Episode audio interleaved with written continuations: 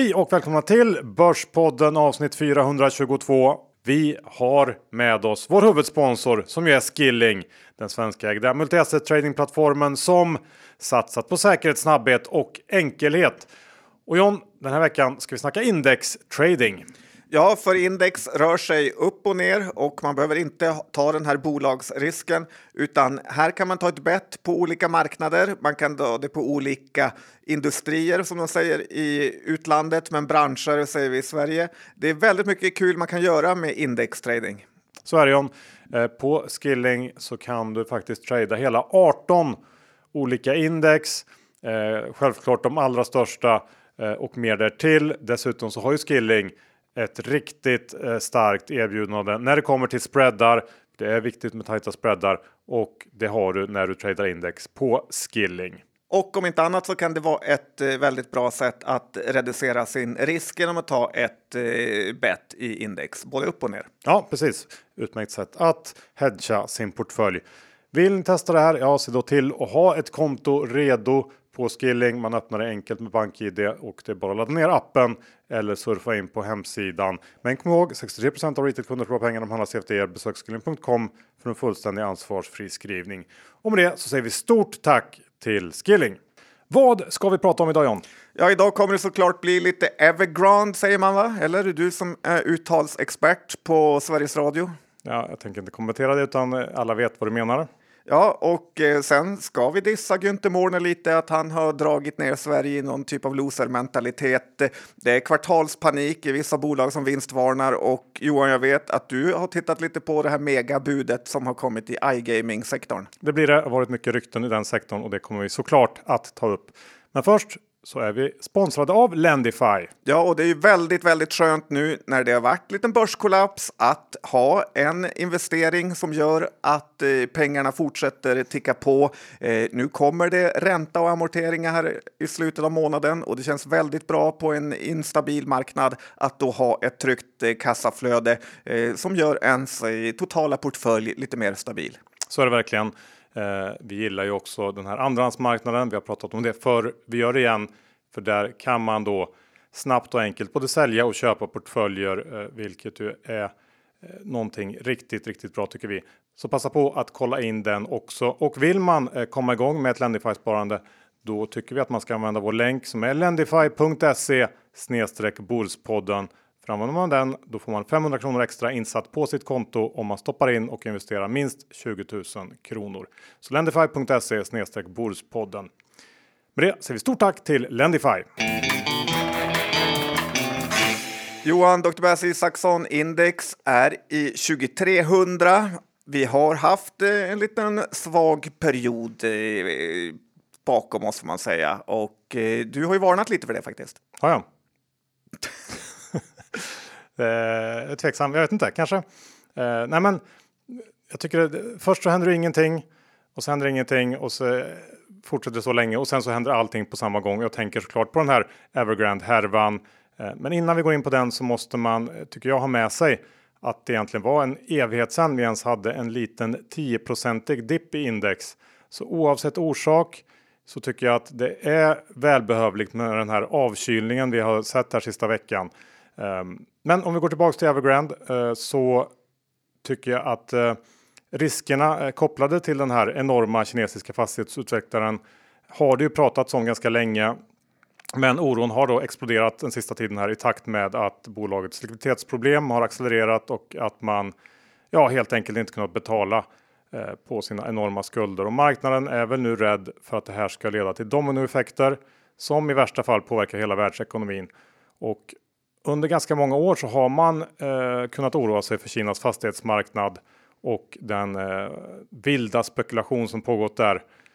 Jag kommer ihåg för några år sedan var det mycket snack om de här spökstäderna. Jag vet inte vad som hänt med dem.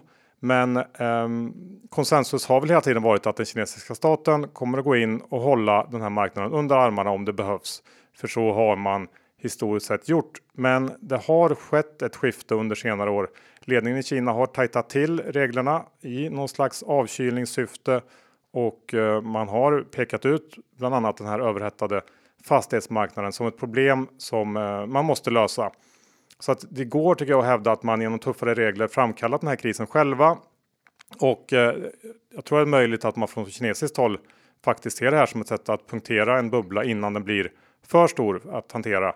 Och jag tycker att händelseutvecklingen, eh, trots att det är ganska dramatiskt, nästan känns kontrollerad eh, och att det borde vara hanterbart för Kina att lösa det här.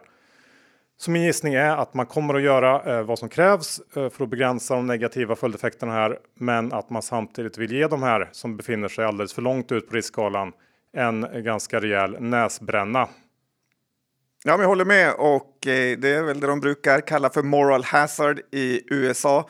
Eller det man eh, kanske på Remium sa var rensa ut lössen. Det är ungefär samma sak. Eh, det har ju pratats lite för lite om det här moral hazard problemet faktiskt. Kanske för att det har blivit bortglömt. Men som du säger att det är bra att folk blir medveten om att det faktiskt går att bränna ut alla sina pengar fullständigt utan att någon kommer in och räddar in hela tiden. Centralbanker eller stödpaket och så vidare. Så att de här människorna som tar enorma risker sen faktiskt får ta konsekvenserna av det.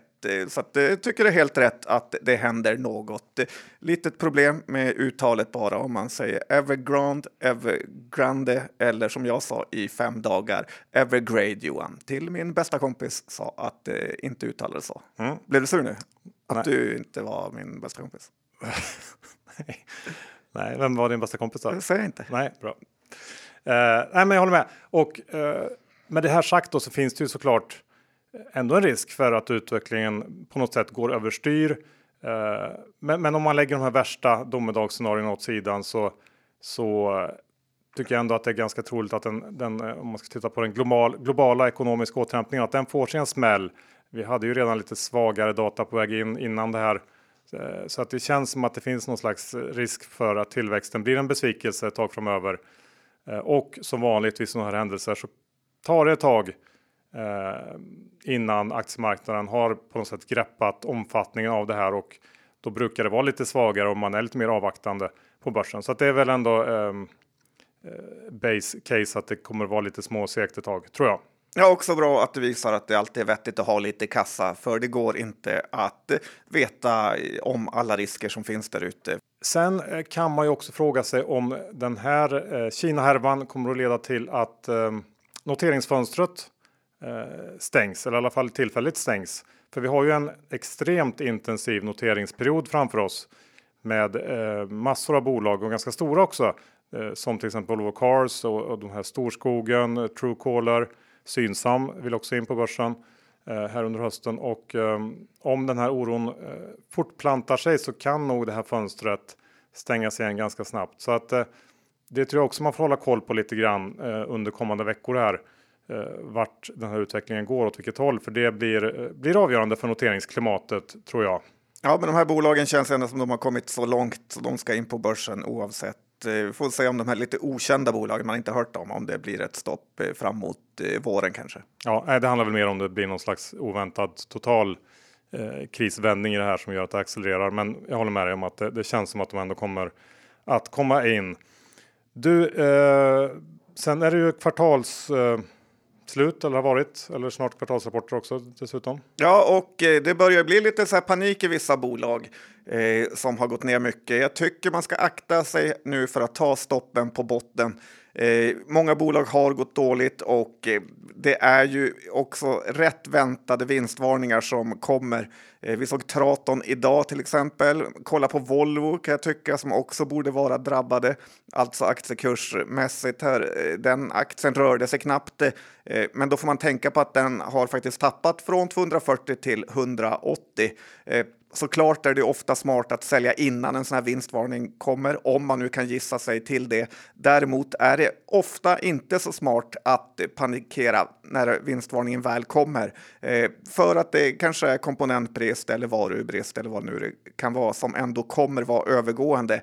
Och då är det väldigt stor risk att man säljer på botten. Det är bättre att härda ut ett kvartal eller två och eh, kanske alternativt eh, köpa mer till och med om man har kassa eller mental styrka för det. Men ens erfarenhet säger ju att i sådana här lägen är det väldigt lätt att eh, ta stoppen på botten. Ja, eh, jag håller med om det. Nu tänkte jag prata om någonting mer eh, med glädje i rösten, John. Jag får höra. Ja, men det är Inte ju, vad ofta det kommer från dig. Det är ju uran, uranets fina comeback här sista året.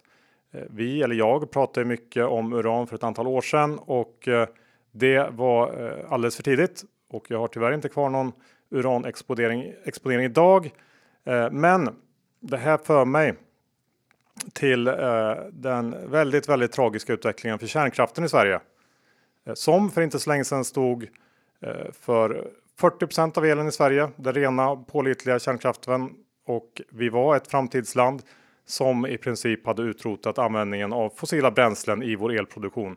Och att sen då Miljöpartiet på i princip egen hand lyckats stänga ner stora delar av vår fullt fungerande kärnkraftsproduktion eh, och genom det skapat både en, en miljömässig katastrof och en elkris i stort. Det gör mig nästan vansinnig faktiskt. Jag tror att de flesta är Du överens. skulle vara glad Johan. Ja, men det, det gick Nu följdes det av hat igen. Jag vet. Men de flesta är nog överens om, om att utsläppen eh, ska minskas. Men det är ju faktiskt praktiskt omöjligt utan kärnkraften. Eh, vi skulle behöva bygga fler kärnkraftverk i Sverige, inte lägga ner dem. Och istället så gör vi oss beroende av rysk gas och polskt kol kombinerat med, om man ska vara ärlig, ganska opålitlig vindkraft. Och eh, det är ju heller inte optimalt under den långa kalla vintern i Sverige. Så att vi måste ta oss samman och bli någon slags ledande kärnkraftsnation igen är helt enkelt mitt budskap. Ja, men det är bra, Sverker Martin Löv, Johan. Eh, Kul att du tog dig tid att säga det. Nej, men eh, visst, eh, det är bara så uttjatat känner jag. Men eh, eh, det är konstigt att köpa eh, polsk kolkraft. Ja, precis så. Eh, ska vi avsluta med den här arbetskraftsbristen vi har? Ja, det är också ett ämne som börjar bli ganska så uttjatat och eh, det är ju väldigt irriterande nu att varje dag i tidningarna läsa om att eh, näringslivet gnäller på politikerna, att de måste göra något åt den här arbetskraftsbristen. Eh, jag vet inte vad som har hänt med företagandet numera, eh, men det kanske är för att gnällspiken Günther Mårder har som framträdande roll att eh, även företagarna blivit någon typ av offer. Eh, för det är just det som är företagande, att hitta personal, utbilda personal och få dem att vilja jobba för dig. Det är inte statens uppgift att leverera färdigutbildade receptionister eller servitörer till någon värdelös restaurang eller hotell, utan det finns massor med folk eh, som man som företagare själv kan lägga en tid på, utbilda och träna. Att bara stå och gnälla efter it-tekniker är det mest eh, pinsamma jag vet.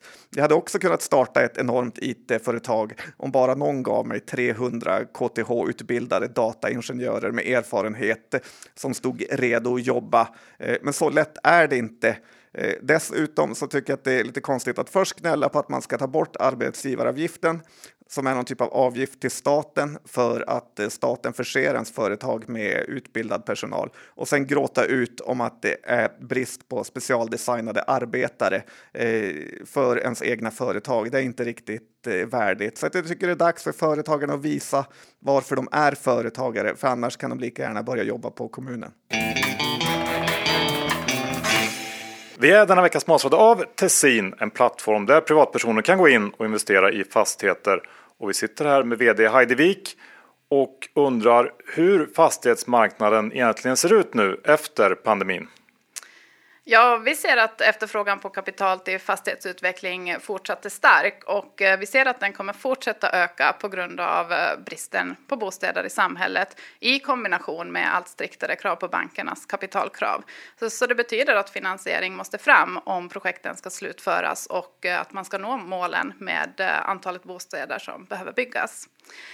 Eh, man kan dessutom anta att pandemin i förlängningen kan medföra dyrare och eventuellt också begränsa tillgången till finansiering till fastighetsbolag. Så i den här eh, heta marknaden är Tessins mål att fortsätta växa organiskt i vår kärnaffär, men också titta på förvärv, både i Sverige och internationellt.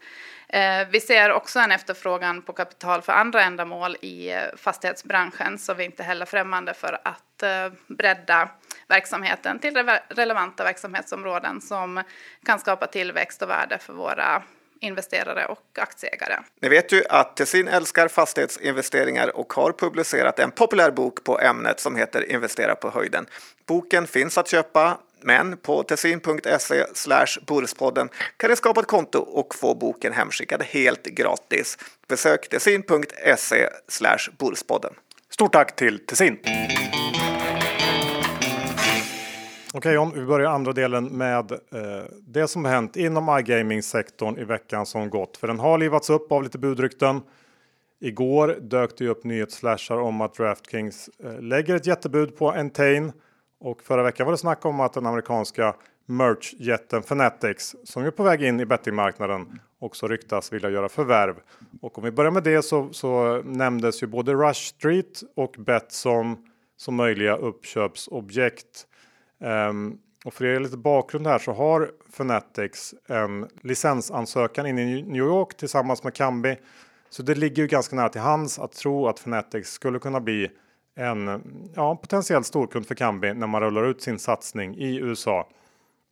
Och det gör väl också att ett, ett köp av då Rush Street som eh, är en Kambi-kund och som också redan är live i ganska många delstater. Det skulle vara ett ganska logiskt sätt för Fnatex att eh, snabbt expandera i USA och för Kambi som redan har då eh, Rush Street som kund så skulle väl det vara hyfsat goda nyheter. Och om Fnatex istället skulle köpa Betsson Ja, då minskar väl eh, möjligheterna för Kambi eftersom Betsson har en egen sportbok in-house. Eh, man ska ju ta sådana här budrykten för vad de är. De är just rykten, men om man själv ska spekulera så tycker jag att, att Rush Street känns som det absolut mest logiska valet. Möjligtvis kan den här ganska höga prislappen eh, som Rush Street har på börsen avskräcka. Betsson är ju å andra sidan billigt, men Förutom då den här sportboken som Fanatics kanske skulle kunna vara intresserad av så har Betsson ja, en vad ska man säga, miniatyrverksamhet i USA och i övrigt då massor av marknader som jag i alla fall tror är av noll intresse för dem. Däribland Turkiet som till och med skulle kunna ses som ett problem. Och Fnatic skulle väl i så fall antagligen direkt sälja vidare i princip hela Betsson. Jag tycker att det låter som ganska mycket krångel för att lägga händerna på en halvkass sportbok och när sen då den här nyheten om att Pontus Lindevall fått spår, sparken av styrelsen kom ut någon dag senare så tycker jag att det här Betsson budryktet känns eh, rätt osannolikt faktiskt. Att en styrelse skulle välja att sparka sin vd mitt under en budprocess. Det är högst osannolikt och det är väl inte optimalt ur ett förhandlingsperspektiv. Ehm, om vi sen går över till ehm, det här DraftKings och Entain eh, budet så är första intrycket att det känns som ett superjobbigt projekt för DraftKings. Entain har ju massor av olika brands och plattformar och marknader. Eh, även här så ligger merparten av det utanför USA. Och eh, man kan ju undra vad DraftKings ska med det till. Det är möjligt att de också tänker sälja av väldigt mycket. Men eh, det kan ju också vara någon slags första steg i en global satsning. Men då kommer vi till nästa problem och det är ju priset. För det här är ett riktigt, eh, riktigt högt bud man kommer med. DraftKings eh, kom först med ett bud på 2500 pence per aktie. Men efter att styrelsen då i Entain avböjde det så höjde man till 2800 pence per aktie. Det innebär en premie på nästan 50% jämfört med innan eh, nyheten kom ut igår här.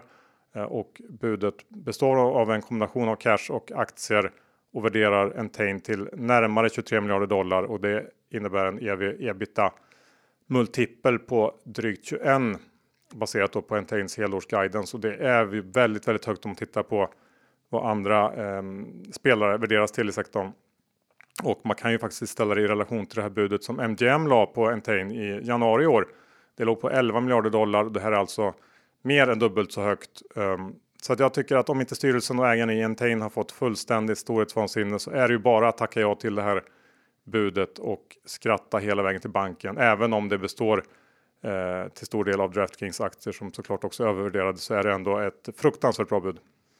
Ja, det är väl det som gör en lite orolig att det består to, så till stor del av egna aktier, att det är mer någon typ av sammanslagning än ett eh, riktigt bud. Vi såg ju också att DraftKings aktien tappar rätt mycket på det här eh, budet.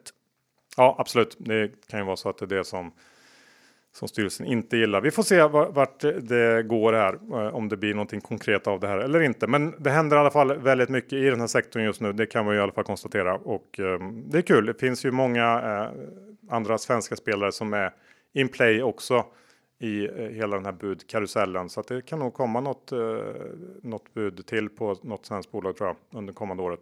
Ja, det känns ju som att det måste lite amerikanare till i alla sektorer för att det ska hända något. De är inte blyga för sig när det gäller att göra affärer.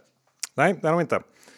Eh, då ska du få säga någonting om Midsona John, det lilla ekologiska hälsobolaget. Nästan rödbolagssektor numera. För det är ju ett sånt här bolag som är faktiskt i närheten av sitt ettårslägsta här efter sin senaste väldigt svaga rapport. Och jag tycker man kan ta lärdom av Midsona, för det här är ett bolag som verkligen borde ha gynnats av den här ekotrenden, men verkligen inte gjort det. Det är massa förvärv som inte verkar ge något och den här organiska tillväxten som Midsona har är bara någon procent per år. Och då ska man ju komma ihåg att om tillväxten bara är 2-3 procent per år så är det i princip noll tillväxt utan bara består av normala prishöjningar. Stena är storägare här och de vet ju hur man rekryterar tröttast möjliga ledning alla Gunnebo, Beijer Electronics och massa andra bolag. Eh, P2530 för Midsona är verkligen inte värt det utan eh, man får nog börja se det här som livsmedelssektorns Gunnebo tyvärr. Eh, det var bara det jag ville säga Johan, att eh, håll dig borta från den hetaste trenden. Ja, eh, bra insikt och kanske lite ett exempel på det här med hur viktig storyn är som vi pratade om eh, för ett tag sedan. Det här är väl ett ypperligt exempel på en storyaktie på något sätt där storyn har fått eh, väga mer än fundamenta. Faktiskt. Mm. Hur är det med Insile då? Det vet jag inte riktigt vad de gör om man ska vara ärlig. Nej, men jag ska lära dig något nytt idag. Jag tycker ändå att det här var kanske veckans roligaste och konstigaste nyhet från det här skandalbolaget Insile då, som gör arbetsfordon som går på el. Eh, men såklart går bolaget med brakförlust och hela styrelsen har i princip hoppat av eh, med Meg Tiveus i spetsen. Och återigen visar det sig hur sådana här styrelseproffs tackar ja till allt och sen när det blir jobbigt eh, så slutar man. Meg Tiveus satt ju för övrigt också såklart i styrelsen för Allra. Eh, hur som helst, Insile uppfyller ju typ alla krav på att vara ett eh, skräpbolag i närheten av scambolag nästan enligt mig. Eh, den här nyheten som var rolig då var ju att vdn har avgått och nu tar huvudägarens son över. Men han ska jobba från Mallorca. Eh, alltså, han orkar inte ens åka hem för att ta över ett bolag i fullständig kris, utan eh, ett bolag utan styrelse och i fritt fall ska han ratta från Mallorca med motiveringen att han kan leda den internationella expansionen därifrån. Eh, det är inte ett sånt här bolag man vill ha sina sparpengar investerade i, eller vad säger du? Nej, det påminner väl lite om det här caset som du eh, körde friskt för några år sedan, Hybricon i Umeå. Mm, men de rattar i alla fall inte från Mallorca Johan. Nej, och ändå så gick det fullständigt åt helvete. Ja, konstigt ändå. Var ju ändå i en het sektor, lite som Midsona. Ja, så kan det vara. Du, eh, jag har faktiskt tagit en titt på eh, aluminiumbolaget Gränges som vi eh, pratade om. Jag tror det var i slutet av förra året när de gjorde, genomförde en, en emission i samband med det här förvärvet av eh, Aluminium Konin. Eh, kommer du ihåg det? Ja, det var ett polskt bolag om jag inte minns fel. Ja, och aktien hade en ganska fin resa efter det, men den har nu fallit tillbaka och handlas faktiskt på ungefär samma nivå som när vi då sist pratade om aktien och frågan är om det är köpläge eh, här. Eh, tittar man på siffrorna så har bolaget eh, faktiskt utvecklats riktigt, riktigt fint under första halvåret i år. Eh, både omsättning och vinst är upp över 60 procent. Ehm, det är ett såklart relaterat till förvärvet eh, till viss del. Eh, men även utan det så är den organiska ökningen ganska rejäl. Eh, här får man i och för sig ta hänsyn då till svaga corona jämförelsesiffror, men ändå. Och tyvärr då får man säga så kommer Gränges drabbas av problemen inom fordonsindustrin här under andra halvåret. Fordon är den största slutkundsgruppen och i samband med Q2 så guidar Gränges eh, Eh, faktiskt för ett sekventiellt tapp i försäljningsvolym eh, i Q3 på upp till en handfull procent. Det blir ingen katastrof kanske, men ändå lite småtrist eh, och jag gissar att det är främst den här kortsiktiga osäkerheten som fått aktien att backa. Men på längre sikt så har man trenderna med sig. Bolagets valsade aluminium efterfrågas i allt fler produkter. Eh, vi pratade om det här sist också. Det är ju eh, inte minst en viktig komponent i elbilstillverkning så för den som orkar med lite kortsiktigt strul så tror jag ändå att det här kan vara ett, ett helt okej okay ingångsläge kring 100 lappen. Den var väl uppe och snudda 125-130 tidigare i år och har då kommit ner igen. Så att, eh, jag tycker att det känns hyfsat intressant om man har lite, lite längre sikt. Ja, eh, kanske faktiskt eh, håller med där. Vi såg Alcoa i USA som också är någon typ av aluminiumbolag går ju väldigt bra.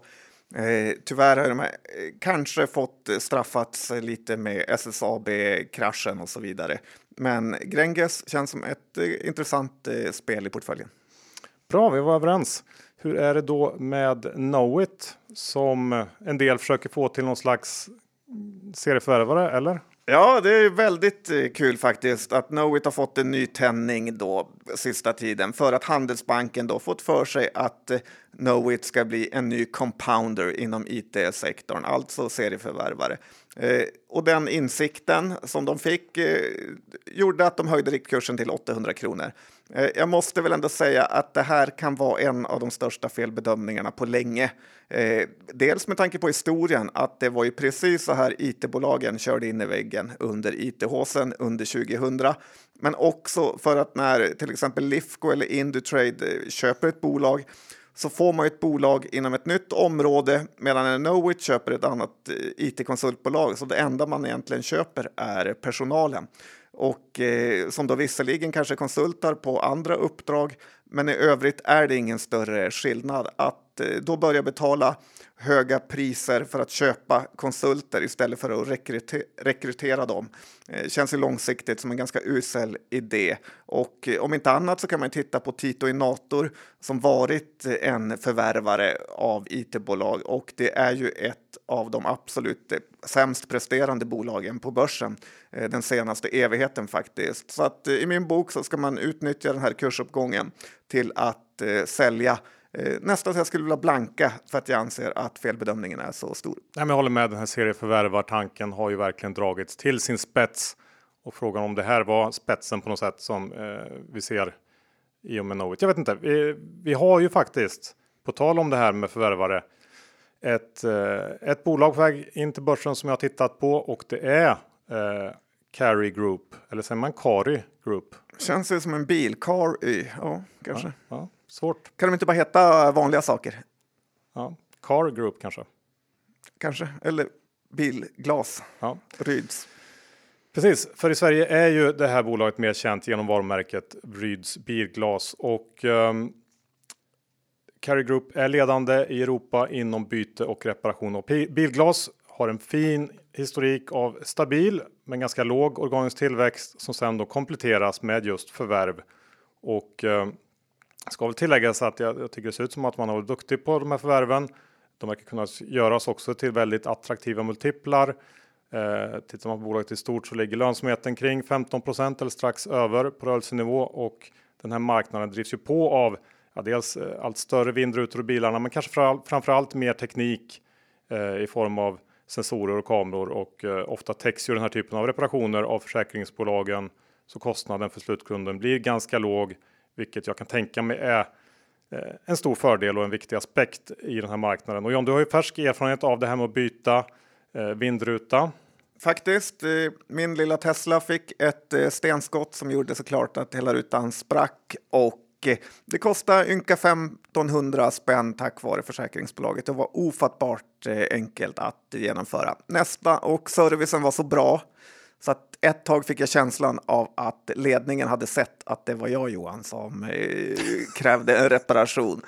Eh, och, tror jag lite för höga tankar om dig själv. Men, och därför hade fullt fokus på mig. Men det var otroligt eh, smidigt. Ja, fint lynchat inför noteringen. Ja, men jag tycker verksamheten är eh, såklart intressant. Um, men det, kom, eller det blir lite svårare när vi kommer till siffrorna och värderingen.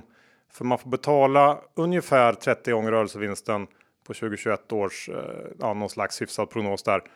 Och det är ju rejält aggressivt får man säga, speciellt om man skulle sätta det här bolaget då i samma fack som till exempel Mekonomen som snarare handlas till 10 gånger vinsten. Det kan i och för sig vara orättvist, men ändå. Det är ju ändå bilreparationer det handlar om. Eh, men man vill ju helt klart sälja in det här som en serieförvärvare och eh, det är möjligt att det kommer fungera. Man kan tycka att skuldsättningen redan är på en ganska hög nivå. Det begränsar såklart förvärvsutrymmet. Eh, det kombinerat med värderingen gör att köpsuget ändå minskar för mig. Sen tror jag att många säkert kommer vilja äga det här bolaget. Det blir säkert en helt okej okay notering. Men Carry Group är lite för giriga tycker jag för att jag ska se någon större potential eh, från den här 30 gånger rörelsevinsten värderingen som det ser ut just nu. Ja, det låter ju helt galet. Eh, dock kul det här du sa med att rutorna blir större och större. För gubben på Ryds bilglas sa att det var väldigt vanligt att eh, Teslornas rutor eh, gick sönder. Mm. Framtidsbransch kanske. Eh, hur är det då med Rugvista? Den lilla, eller ganska stora, eh, matt-e-handlaren. Eh, Ja, det är väl inte så jättebra egentligen. De är ju relativt nynoterade med, får man ändå säga. Eh, och, men det som har gjort att de är aktuella är den här placingen som gjordes. Och eh, det är lite kul också att den gjordes på det exakta lock-up-datumet som var 100 dagar efter eh, notering. Och jag tycker man nästan kan jämföra det här i girighet med EQT eh, som dock hade mycket längre lock-up-tid. Och dessutom till nackdel för Rugvista eh, så gick ju de in på börsen på 125 kronor och den här placingen gjordes på 130. Så att bolaget har ju egentligen inte levererat något värde till aktieägarna till skillnad då från EQT eh, där alla som har följt med på resan faktiskt blivit eh, rika. Eh, tycker media helt glömmer bort den bilden för EQT att de faktiskt gjort alla aktieägare betydligt rikare. Eh, men istället så målas EQT ut som eh, skurkar. Men vad gäller Ugvista då så sträcker sig den här lockup-perioden för nästa gång de får sälja aktier till november. Så det här var nog inte sista försäljningen man såg här. Ja, schysst av dem. Ja, väldigt eh, schysst att vara så långsiktiga. Och eh, som vanligt så visar det sig återigen att Eh, i efterhand då såklart, att det varit helt fel att haka på de här hetaste trenderna när de varit som starkast. För det svalnar alltid. Rugvista hade sin peak på 180 och nu är man alltså bara någon krona över noteringskursen här. Eh, och sen är det ju möjligt eh, som gör att det kanske är ett köpläge istället då att det spridit sig något typ av hat över den här sektorn med nynoterade inredningsbolag sen Designios fullständiga kollaps eh, som bara fortsatt och den aktien är ju nu i 36 kronor. Ja, jag vet inte, jag tycker ändå att det säger en del att man är så fruktansvärt sugen på att sälja direkt lockupen går ut. Eh, speciellt då när den har gått från 180 till 130 ungefär. Eller 135 eller vad det nu var. Eh, jag tycker inte att det andas eh, så där jättemycket eh, förhoppningar om närmsta framtiden här, utan snarare tvärtom kanske att man är ganska orolig för att det kan bli lite värre innan det blir bättre. Så att jag skulle nog avvakta här också faktiskt. Ja, det är ju inte en rolig pilotskola när ägarna hoppar ut med fallskärm. Nej. Eh, preffa då, är det någonting att eh, hålla sig i när det blåser nu på börsen? Ja, men faktiskt. Eller det brukar inte vara det och är det inte heller, men det är kanske då man ska köpa. Och det har varit lite ränteoro och fastighetsoro i spåren av Evergrande kollapsen här, vilket jag tycker man ska utnyttja i. Blanda friskt med uttalet. det tredje olika. Ja, ja. ja. Kul att du prövar på. Som olika läskedrycker där. Nej, men det är ju äh, faktiskt så att eh, man ska utnyttja tillfället som ges i preferensaktierna enligt mig. För att jag tycker en bra indikator är den här amerikanska ETFen PFF Eh, som faktiskt är i närheten av sitt femårs eh, högsta, eh, vilket i min bok eh, tyder på att räntorna i säkrare ekonomier kommer fortsatt ligga lågt och eh, det visar väl också Riksbanken här igår eh, senast. Eh, så att eh, PFF är då alltså en ETF bestående av bara preferensaktier. Snarare så att räntan kommer vara ännu lägre nu och jag tycker då att man ska, jag tänkte ge lite förslag här på bra D och preferensaktier då. Att eh, ha, vill du höra Johan? Ja. Eh, Sagax D kring 33,30 ger ju en 6 i eh, direktavkastning, vilket jag tycker känns bra. Eh, Kåren Preffen som i fredags i kolen pressades från 350 till 335 eh, som dessutom ger 5 kronors utdelning Eh, den 29 september tycker jag kan vara ett intressant eh, case. Eh, kan vara att nya Klövern ägare kränger ut här, men annars känns det fallet lite väl hårt.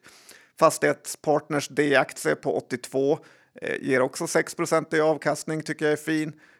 som sagt, det finns mycket att välja på och den amerikanska pref-ETFen ger då 4,4 eh, procent utdelning. Så att, eh, jag tycker svenska räntepapper ger en ganska bra deal just nu. Slut på avsnitt 422. Vi tackar såklart vår huvudsponsor Skilling. Om ni ännu inte har öppnat konto så se till att göra det. Det händer fruktansvärt mycket på börsen just nu eh, och med ett Skilling-konto så är man redo 24-7 365. Um, det görs enkelt med BankID. De har svensk kundtjänst så det är inte så mycket att fundera på. Helt eh, rätt. Men kom ihåg 63% av retailkunder förlorar pengar när man har CFD. Besök skilling.com för en fullständig ansvarsfri skrivning. John, hur är det med innehav den här veckan? Eh, vi pratar iGaming. Jag vet inte, vi nämnde Kambi där. Jag kan väl säga att det äger jag ju såklart. Eh, I övrigt var det ingenting av bolagen som vi tog upp som ligger i min portfölj tror jag. Nej, men jag äger också eh, Kambi såklart och dessutom eh, ganska många olika Pref eller D-aktier, KRM, eh, Fastighetspartner och så vidare. Ja, sen får vi kanske också börja nämna innehaven i vår nystartade Börspodden-portfölj. Eh, men jag vet inte om det var något innehav här. Ja, Kambi ligger i denna. Ja, faktiskt. Men det kommer bli lite krångligt att hålla reda på. Ja, Vi får försöka. ja, det gör vi. Ja, och ehm, nu har vi kommit till slutet som ju är en omdebatterad del när det gäller Börspodden. Det splittrar ju både lyssnare och eh, de som producerar podden faktiskt. Jag hör ju till de som tycker att John Skrik ska upphöra. Vi får ju många mejl om det, många som klagar. Jag tycker att det lite har eh, tappat sin charm. Du John tycker annorlunda. Ja, jag tycker nästan att det har ökat i charm sista åren faktiskt. Jag vet inte, vi kanske ska ha någon slags omröstning på Twitter. Ska det här fortsätta? Eh, vad ska John hitta på? Svåra beslut. Eh, Jag tycker inte att det är så svårt Johan, för det kommer fortsätta så länge jag är med. Ni hör det. Ja, det är tufft för mig. Ja, jag, jag säger hej då och ehm, vi hörs om en vecka igen. Ja, men det gör vi.